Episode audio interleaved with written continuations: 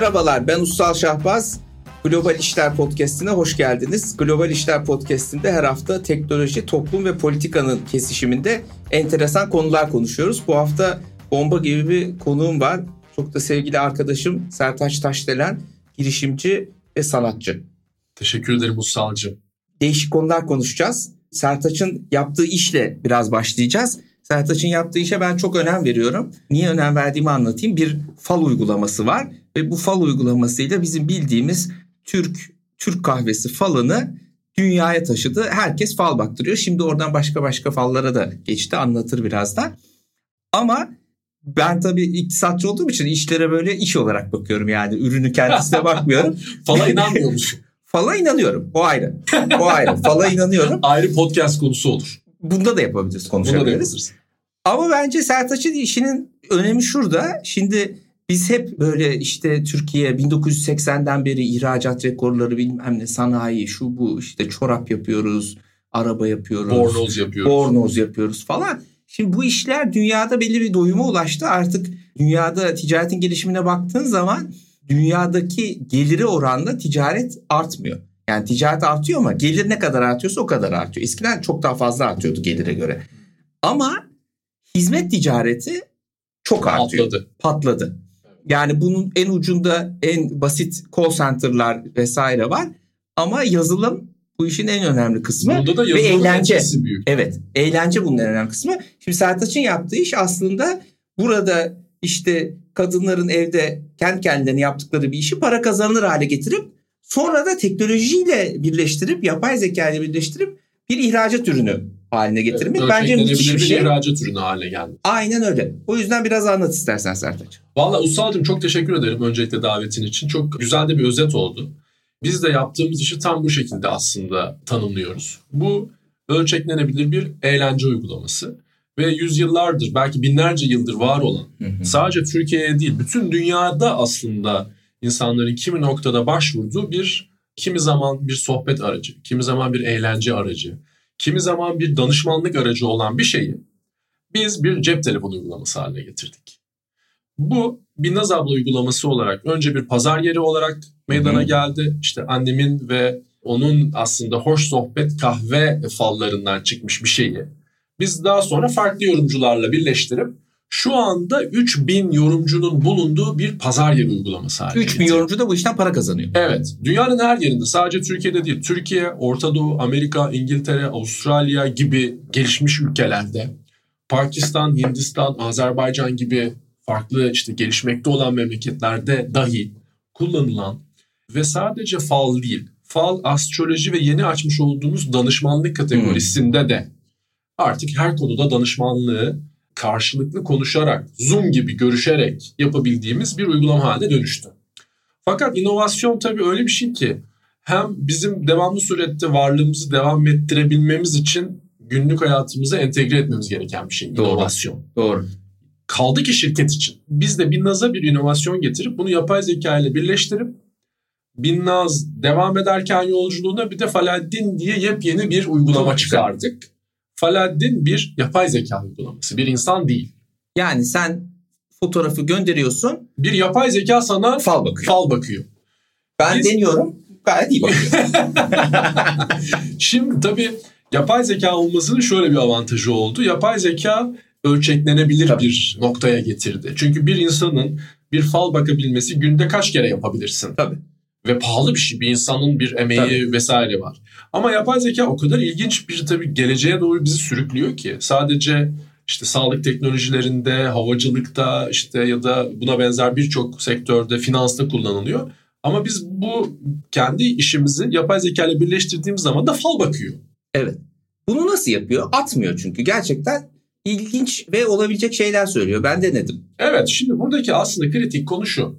Biz insanoğlunun aslında öngörülebilir bir varlık, organizma, evet. algoritma olduğunu evet. düşünüyoruz. Evet. Ve bu teori üzerine diyoruz ki bir insan daha önce geçmişinde yapmış olduğu şeyler bilgisi, hı hı. bir insanın kendi demografik özellikleriyle bilgisi bizde varsa evet. biz bu kişinin gelecekte ne yapabileceğini, beklentilerini tahmin edebiliriz. Evet. İnan dolar kuru tahmininden daha kolay bir şeyden bahsediyor. Evet. Çünkü dolar kuru dediğin zaman işte birçok bilinmez denklemler, ülke, Tabii. işte Fed başkanı bir açıklama yapıyor. Bir yerde bir terör saldırısı oluyor. Ama insanların hayatları aslında bayağı, Ama bayağı standart. Stabil ve standart evet. ve beklentiler de çok ortak aslında. Şimdi bu hangi bilgilere dayanıyor? Paladin uygulamasına giriş yaptığın zaman senin zaten çok belli başlı özellikleriyle ilgili sorular soruyor. Yaş, cinsiyet vesaire gibi. Bunlara karşı bir öngörüde bulunuyor. Aslında yapmış olduğumuz şey son derece basit. Evet. Ama bundan da gurur duyuyorum çünkü ne kadar basit o kadar iyi. Ama sonra oradaki görüntü işlemede bir varyasyon yaratıyor tabii. E tabii çünkü bir görüntü işleme teknolojisi de falın içindeki ya da gönderilmiş fotoğraflardaki şeyleri görüyor. Ama artık sadece kahve falı değil tarot. Bu sefer hmm. tarot kartı seçiyorsun.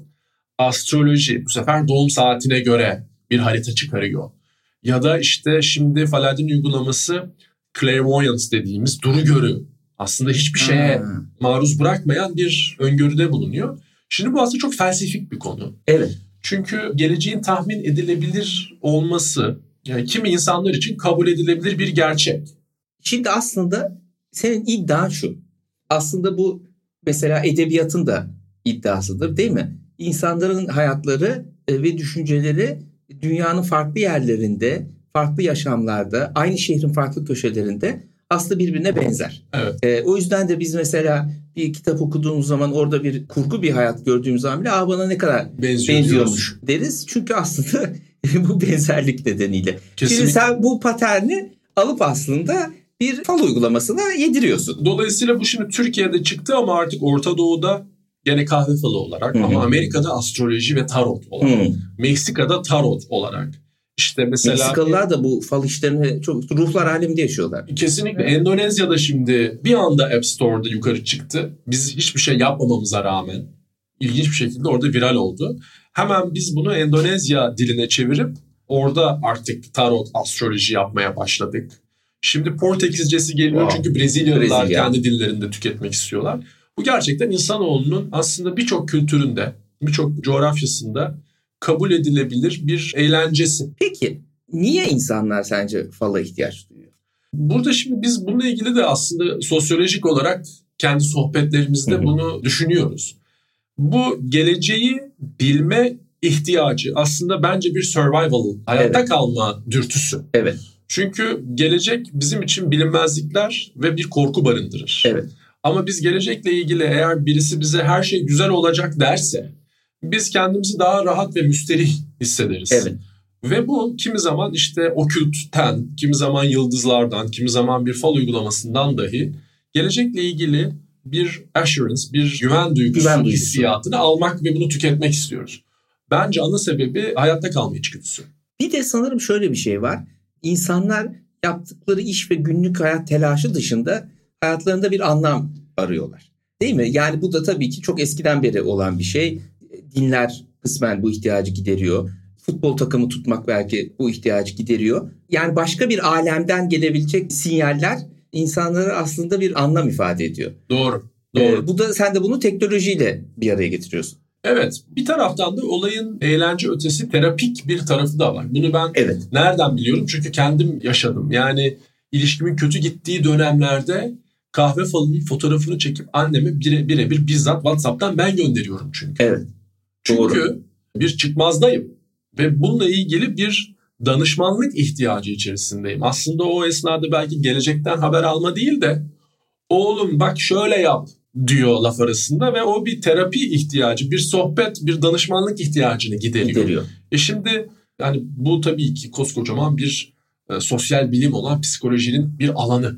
Tabii. Biz burada tabii ki onu yer değiştirdiğimizi söyleyemem ama toplumun bu konuda psikoloğa gitmek ya da bu konuda profesyonel yardım almak gibi bir alışkanlığı olmadığı için. Olmadı. Bazen imkanı olmadı. Bazen de imkanı olmadığı için kesinlikle. Çünkü çok pahalı bir şey bu günümüz şartlarında. Bunu ücretsiz bir şekilde bir uygulamadan da aslında alabiliyorsun. Tabii. Biz bunda e, herhangi bir şeyden de gocunmuyoruz. Çünkü arka planda ne kadar özenle, ne kadar doğru kelimelerle, doğru psikologlar yardımıyla hmm. gözetiminde yazılmış içerikler olduğunu bildiğim için. Biraz orayı konuşalım. Evet. Bu çok ilginç çünkü. Şimdi senin bir sürü yazarın var.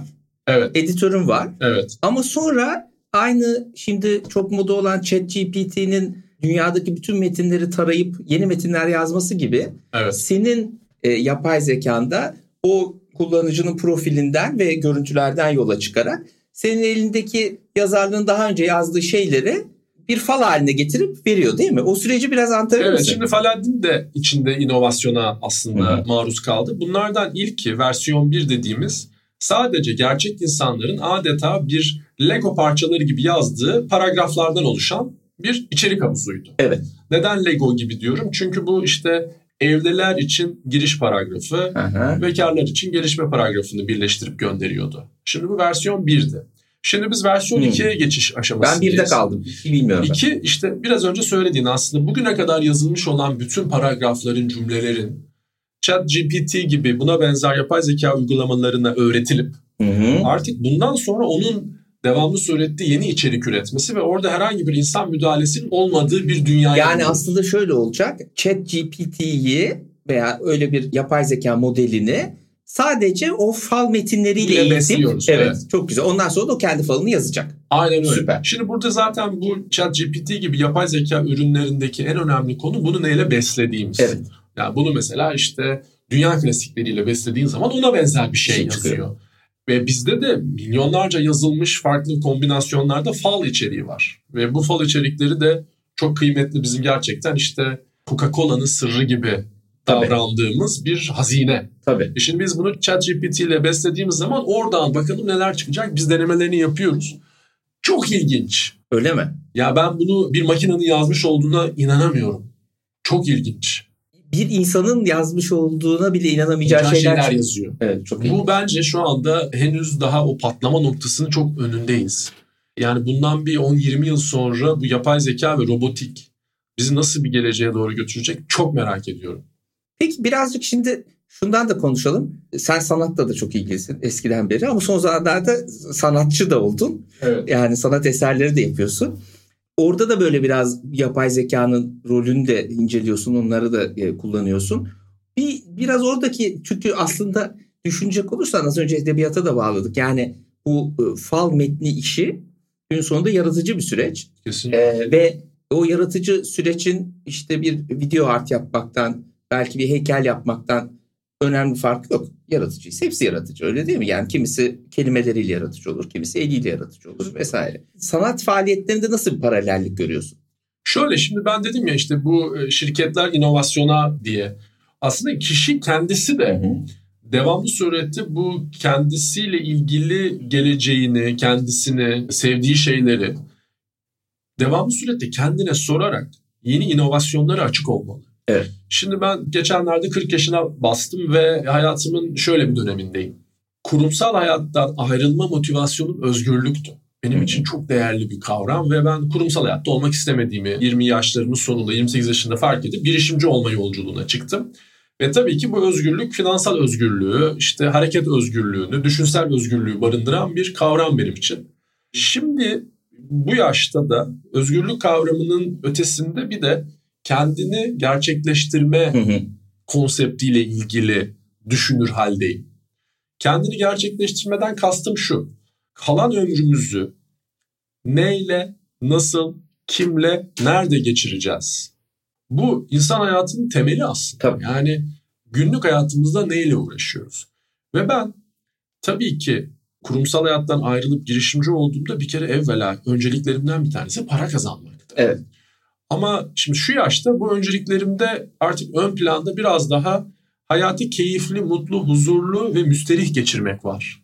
Burada da sevdiğim şeylere yönelmek istiyorum. Benim hayatta en çok sevdiğim şeyler tasarım, Hı hı. sanat, moda, iç mimari, mimari gibi daha ziyade görsel dünya ile ilgili, plastik sanatlarla ilgili, kendi ellerimle icra edebileceğim heykel gibi Evet. konular. Beni mesela bir yerde bırak, de ki sen bu saatten sonra bu odada yaşayacaksın. Yanına neler götürürsün? Ben sanat malzemesi götürürüm, kağıt kalem götürürüm. Onlarla bütün gün de oynarım, hiç de gocunmam. Kimisi müzik aleti isteyebilir. Evet. Kimisi yemek yapmak için malzeme isteyebilir. Onunla ilgilidir çünkü. Ben madem bunlardan hoşlanıyorum deyip bunu hayatıma davet etmek istedim. Ve bununla ilgili de bir girişim yaptık. Çok iyi yaptın. Birkaç girişim yaptık. Bu girişimlerden bir tanesi bir sanat koleksiyonu. Hı hı. Şimdi bu sanat koleksiyonunun yapmamızdaki amaçlardan bir tanesi hem çağdaş sanatı desteklemek, genç sanatçılara bir Yol yer gösterebilmek, yol, yol gösterebilmek ve bunu da kendi şirketimize mal ettik. Bütün ofis duvarlarımızda genç Çok sanatçıların işleri var. Bu vesileyle ben tabii sanatçılarla daha fazla vakit geçirir oldum, onlarla konuşur oldum, onların sorunlarıyla ilgili düşünür olduk vesaire. Bir ikincisi bizim kendi üretebileceğimiz bazı fikirleri acaba sanatsal bir şekilde ifade edebilir miyiz idi ve olduğunu düşünüyorum. O yüzden sanatçılığın da herhangi bir kişiye zümreye ait olmadığını düşünüyorum. Evet. Yapmış olduğumuz şey eğer bir kişi evet bu bir sanattır diyorsa benim için e, okey yani illa bunun bir müzede orada burada olmasının da çok bir önemi yok. Adına mukadderat dediğimiz bir dijital sanat eseri meydana getirdik. Kolektif bir çalışmayla. Hani benim tabii yine belki orada düşünsel olarak lead ettiğim ama işin mutfağında hatta düşünsel tarafında birçok arkadaşımın şirkette, yönetmen arkadaşımın, yapay zeka yazılımcısı arkadaşım bir araya getirerek ürettiği bir iş yaptık. Şimdi bu Türkiye'de, İtalya'da, Portekiz'de ve Dubai'de sergilendi. Sergilendi. Şimdi iki gün sonra altısında DIFC'de çok büyük bir açılışı var. Dubai'de. Dubai'de. Süper. Ee, yarın değil ertesi gün oraya gidiyoruz. Ee, bu hakikaten o ilk baştaki evet ben hayatıma bunu çekmek istiyorum sürecinden geçmiş belki bir, bir buçuk, iki yıllık bir süreç içerisinde kat ettiği ilginç bir yolculuk oldu. Fakat orada durmadık. Dedik ki acaba biz sanat dediğimiz şeyin ötesinde bir de tasarımı hayatımıza davet Çok edebilir güzel. miyiz deyip bir de bir moda markası Evet. kurma e, yolculuğuna çıktık. Gerçekten çok büyük bir keyif alarak. İnan işte Ve e, yani bir sene iki sene de uğraştın. evet bir 6-7 ay belki çalışma süreci oldu. Çıkalı da aşağı Hı hı. aşağı yukarı 6 ay oldu. Bu unisex zamansız ve sürdürülebilir kavramlar üzerine kurulmuş. Aslında bir felsefe olarak tanımladığımız bir şey. Nedir bu felsefe? Basitlik Hı hı. ve insanı insan yapan şeyin giydiği şeyler olmama felsefesi. Çünkü sen ussal şahbassın ama sen bugün karşımda mavi bir ceketle oturuyorsun. Yani siyah bir ceketle ya da bir düz bir tişörtle otursan da sen ussal şahbassın. Doğru. Ve evet ye kürküm ye Senin- dönemindeyiz. Tabii ama senin e, ürünler hep tek e, ve basit. Çok değil mi? basit. Basit kesimler. çok basit, daha ziyade formun ve malzemenin ön plana çıktığı, Hmm. o kişiyi ön plana çıkarmak Hmm. için. Böyle işte logolar, printler, Hmm. markalar vesaire yok. Peki ama şöyle diyenler de var yani o kıyafetler sadece Sertaç'a yakışıyor. Ee, Normal senin gibi vücudu olanlara yakışmıyor diyenler de var. Şimdi tabii ilginç bir şey bu. Biz tabii ilk başta tabii benim üstümden şey yaptık bu arada. Evet. Ölçü aldık. Çünkü ilk önce ben giyeceğim, deneyeceğim Tabii diye. dinleyicilerimiz şimdi Sertaç'ı görmüyor olabilir. Google yapıp e, resimde bakabilirsiniz. Havuzdan çıkarken yarı çıplak dolayısıyla şimdi bu ilk versiyonlar biraz daha böyle bol kesim, büyük, large şeyler oldu. Ama bunların tabii her bedene göre de olanlarını yapmaya Tamam. başladık. Tamam. Çeşitli artık şeyler var. Çok enteresan bir yolculuktayız. Amacımız da burada giyilebilir bir felsefe üretmek. Bu felsefe ne demek? Basitlik ve fonksiyonun aslında kişiyi ön plana çıkaran değil, onu tamamlayan bir Evet. ürün oldu. Evet. Ve Tam tersi kişilerin söylemine, aklına, zihnine odaklanan bir... Yani o kişiye Ee, odaklanan. Ya evet. kükürye değil. Evet tam e, tersi. Tam tersi. Aynen kişinin kendine odakladığı bir felsefeyi anlatmaya Peki bu kadar sanat, tasarım. Şimdi bu işlere girdin son iki senedir. Evet. Normal teknoloji girişiminin yanı sıra. Hiç şöyle diyen olmadı mı? Ya işte Sertaç o Falahattin değil mi o? İşte girişimci, Çok, falcı. Çok, çok, ne çok, anlar çok, sanattan? Çok, çok, çok. Bak hayatımın birçok döneminde bununla karşılaştım. Abi faldan para mı kazanılır? Hı. Al. E, ya da işte ya annenin eczacı annen ondan fal uygulaması yaptın. Ananı falcı mı yapacaksın? Sonra falcıdan sanatçı mı olur? Sen tasarım mı okudun, tasarımcı mı oldun? Ben biliyorsun DJ'lik de yaptım. Ya başımıza DJ de kesildin diye en yakın arkadaşlarım dahil olmak üzere çevremde bununla ilgili her an Her an. her an buna maruz kalıyor. Peki bu daha çok sana yakın olanlardan mı geliyor yoksa işte sanatçılar, tasarımcılar gibi kendi Yok yok alanını yani korumak her, isteyen her yerden şey mi? sanatçıdan da geldi, Hı. galeriden de geldi. Ha. Bunu küçümseyen çok yakınımdaki insanlar da oldu. Şimdi şöyle bir kas geliştirdiğimi düşünüyorum. Bunun aslında insanoğlunun kendi içinde olan korkuları bir dışa vurumu olduğunu düşünüyorum. Yani Hmm. bir kişi bir başka kişiye ya ne alaka yapamazsın sen zaten bilmezsin demesi onun kendi korkularını aslında biraz Evet. barındırıyor. Belki kendisi o kadar akışkan olamamış hayatta. Belki Ki bence bu akışkanlık bugün çok önemli bir beceri. Çünkü hem senin dediğin gibi yani bir şey yaptıktan sonra daha çok istediğin bir şey yapıp kendini gerçekleştirmek açısından. Bir de şu açıdan yani dünya o kadar çabuk değişiyor ki senin yaptığın iş zaten bir süre sonra manasız hale geliyor. Akışkan olabilmen lazım. E, evet. Şimdi o yüzden şöyle düşünüyorum. Zaten kısıtlı bir ömürdeyiz. Hı hı. Ve bu seçenekler arasında şu var. Bir, kendinin istediği, sevdiği şeylerle uğraşabilme özgürlüğü Doğru. basireti ve adım atma aksiyonu. Ya da insanların senin için düşündüğü şeylere çok fazla önem vererek, Hı. Sana biçtiği rolleri oynayarak. sana biçtiği rolleri oynayarak aslında kendin değil bir başka oyuncuyu oynaman. Evet. Şimdi, kişi böyle yapıyor Umarım veya yapmam, yap, kalıyor. yapmıyoruzdur. Umarım yapmak zorunda kalmayalım. E şimdi neler yaptık? Girişimci, tasarımcı, sanatçı e, ya da işte müzisyen ya da heykeltıraş ya da akademisyen, baba, anne, eş bunlar hep bize birilerinin Biçtiği roller. biçtiği roller ve bu da aslında insanoğlunun bir şey mekanizması olabilir. Nasıl mesela yapay zekaya bir şey tanıtıyorsun ve diyor ki aa bu bir ağaç fotoğrafı. Evet. Çünkü seni bir kategoriye İnsan sokmak da istiyor. şunu görmek istiyor. Aa bu bir girişimci. Ha. Aa bu bir manken. Evet. Aa bu bir sanatçı. Ha, ikisini bir arada Göremiyor. algoritma şaşırıyor. Şaşırıyor. Ve bundan rahatsız oluyor. Doğru. Ve seni bir bucket'a koymak istiyor. Peki şundan hiç rahatsız olmadın mı? Bunu sana ne zamandır soracağım sormuyorum. Sen aslında Falahdin'in yüzü oldun. Değil mi? Yani Tabii. Falahdin iyice sensin. Evet tabii. Ama bu Sertaç Taşdelen'i biraz gölgede bıraktı belki. Yani Doğru. sokakta biri seni görünce Arnavutköy'de yürüyüş yapıyorsun. Aa Falahdin geçiyor. evet şey ya gibi. arkadaş ya, Ya bizim bir biliyorsun insan. bir Türk dizisinde bir tane adam öldü. E, Şey yaptılar adamın cenazesini kaldırdılar ya biliyorsun. Ha evet onun gibi. Ya ben de Evet, cenaze namazı evet, kıldılar. Niye? evet. O oyuncuyu artık Evet. o rolle benimsemişler. Ya ben bundan çok şey yapmadım. Çünkü şimdi Falahdin dediğimiz kişinin bana ya da benim ona bir şekilde bu markaları birleştirip birbirimizin alter egosunu oynadığımız çok ilginç bir hayat yolculuğuna dönüştü. Evet. Ve ben bu arada hep akışta kalmayı tercih ettim. Neden? Doğru. Çünkü aa Falahdin abi okey o da hani benim zaten şirketim benim Zaten, imzam tabii. ben oynuyorum zaten. Okey bundan hiç ırgalanmadım. Hatta şöyle oldu. Şimdi eskiden öyle diyorlardı. Aa Falahdin abi ya bizim fallarımıza bakacak mısın falan. Sonra benim bir iki tane motivasyon konuşması viral oldu. Ha, Mesela o Storybox'taki evet. işte benim bu hikayeyi anlattığım Evet. ve o gün de çok enerjik bir günümdeydim. Güzel enerjiyle anlattığım bir hikaye viral oldu. Bak ondan sonra o gerçekten çok yayıldı ve şöyle geri dönüşler aldım işte sokakta. Aa Sertaç abi ya ben senin Storybox'taki videonu izledim. Helal olsun. Ben de bir uygulama yapmayı düşünüyordum. Gaza geldim abi. Bu bana çok bambaşka bir bilinirlik sağladı. Yani bir kişinin dışarıda işte Falahdin olarak biliniyor olması ya da onun kurucusu, girişimci olarak biliniyor olması dengelendi. Dolayısıyla aslında bu roller de dengelenebiliyor. İşte akışkanlık bu zaten. Evet. Yani bir gün bunu yaparsın, yarın öbür gün silolara hapsolmamak lazım. Son Aynen. bir soruyla bitireceğim. Sosyal medyadan bahsettik. Yani sen sosyal medyayı çok iyi kullanıyorsun. Zaten yaptığın işte sosyal medyayla bir şekilde de ilişkili. Fal işi de, diğer işlerde. Şimdi so- biz de belli bir yaş grubunda işte 40'lardayız. ha, Sen de söyledin. Sosyal medya çok değiştirdi toplumu. Çok. Ne görüyorsun yani bu TikTok'lar, MikTok'lar yani gençlerde bu iş nereye gidiyor? ya Nusretler bilmem neler. Evet. Vallahi şöyle düşünüyorum Mustafa. Ben bu tip konularda her zaman son derece açık fikirli birisiyim.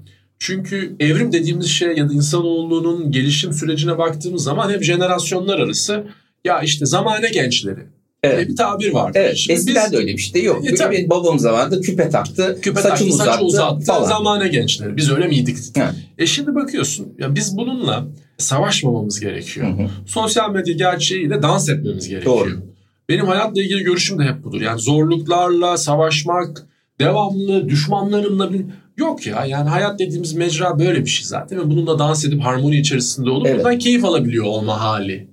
Aynı şeyi hayatımıza sadece sosyal medyayla değil yeni gelmiş olan bütün teknolojiler için düşünüyorum. Doğru. Buna şimdi gençler entegre bir şekilde doğuyorlar ama biz de entegre olmalıyız diye düşünüyorum. Doğru. O yüzden sosyal medyadaki varlığımız, bunu nasıl yönettiğimiz, bunu bir eğlenceli bir şey olarak kabul etmemiz, kimi zaman bunu belki detoks diyeceğimiz belli aralıklarla ara vermemiz Doğru. bana çok sağlıklı geliyor. Şey gibi, beslenme gibi. Mesela bir insan işte diyet yapar. İşte der ki ben keto yapıyorum, işte şunu şunu şunu yemeyeceğim. Ya da işte biri der ki ben vejeteryan oldum hayatım boyunca bir daha Adana kebap yemek istemiyorum falan. Ben hayata böyle bakmıyorum. Hepsinden azar azar düzenli beslenme taraftarıyımdır. Bu sosyal medya içinde geçerli. Sosyal medya içinde ve diğer geçerli. içinde. Bence buradan çıkan en güzel bugünün sohbetin şeyi bu akışkanlık ve dans. Evet. Dansta bir denge, aslında. Kesinlikle. Ee, yani bütün teknolojinin toplumu değiştirmesinde de kendi hayatımızdaki değişikliklerde de bu unsurlar senin için bir şiar olmuş. Bence herkes için de çok ilgili ve Umarım- güzel. Teşekkür ederim. E, Teveccüh ediyorsun. Umarım bugünkü hani sohbetten teknoloji ya da işte buna benzer konular ötesinde de Evet. birileriyle ortak bir kanalda buluşabilmişizdir. Çok keyifliydi. Senle zaten Teşekkür sohbet ederim. yani bugün başlasak yarın sabaha kadar podcast yaparmışız. O yüzden bir yerde duralım. o yüzden bir yerde duralım. Çok Evet. teşekkürler Sertaç. Yönetmenim bana oradan kes işareti. Çok teşekkürler. Sevgili dinleyicilerimiz podcast'in ikinci bölümünde böylece bitiriyoruz. Bizi takip etmeye devam edin. Eğer podcast'i beğendiyseniz dinlediğiniz platformda beğenerek destek olabilirsiniz. Eğer bültenime abone değilseniz lütfen abone olun. www.globalisler.com Bu adrese girip abone olabilirsiniz ücretsiz. Eğer bana ulaşmak, görüş ve önerilerinizi aktarmak isterseniz de yine buraya abone olup oradan mesaj atabilirsiniz. Tabii isterseniz Twitter'dan filan da atabilirsiniz. Hepsini okumaya çalışıyorum. Bir sonraki bölümümüzde görüşmek üzere.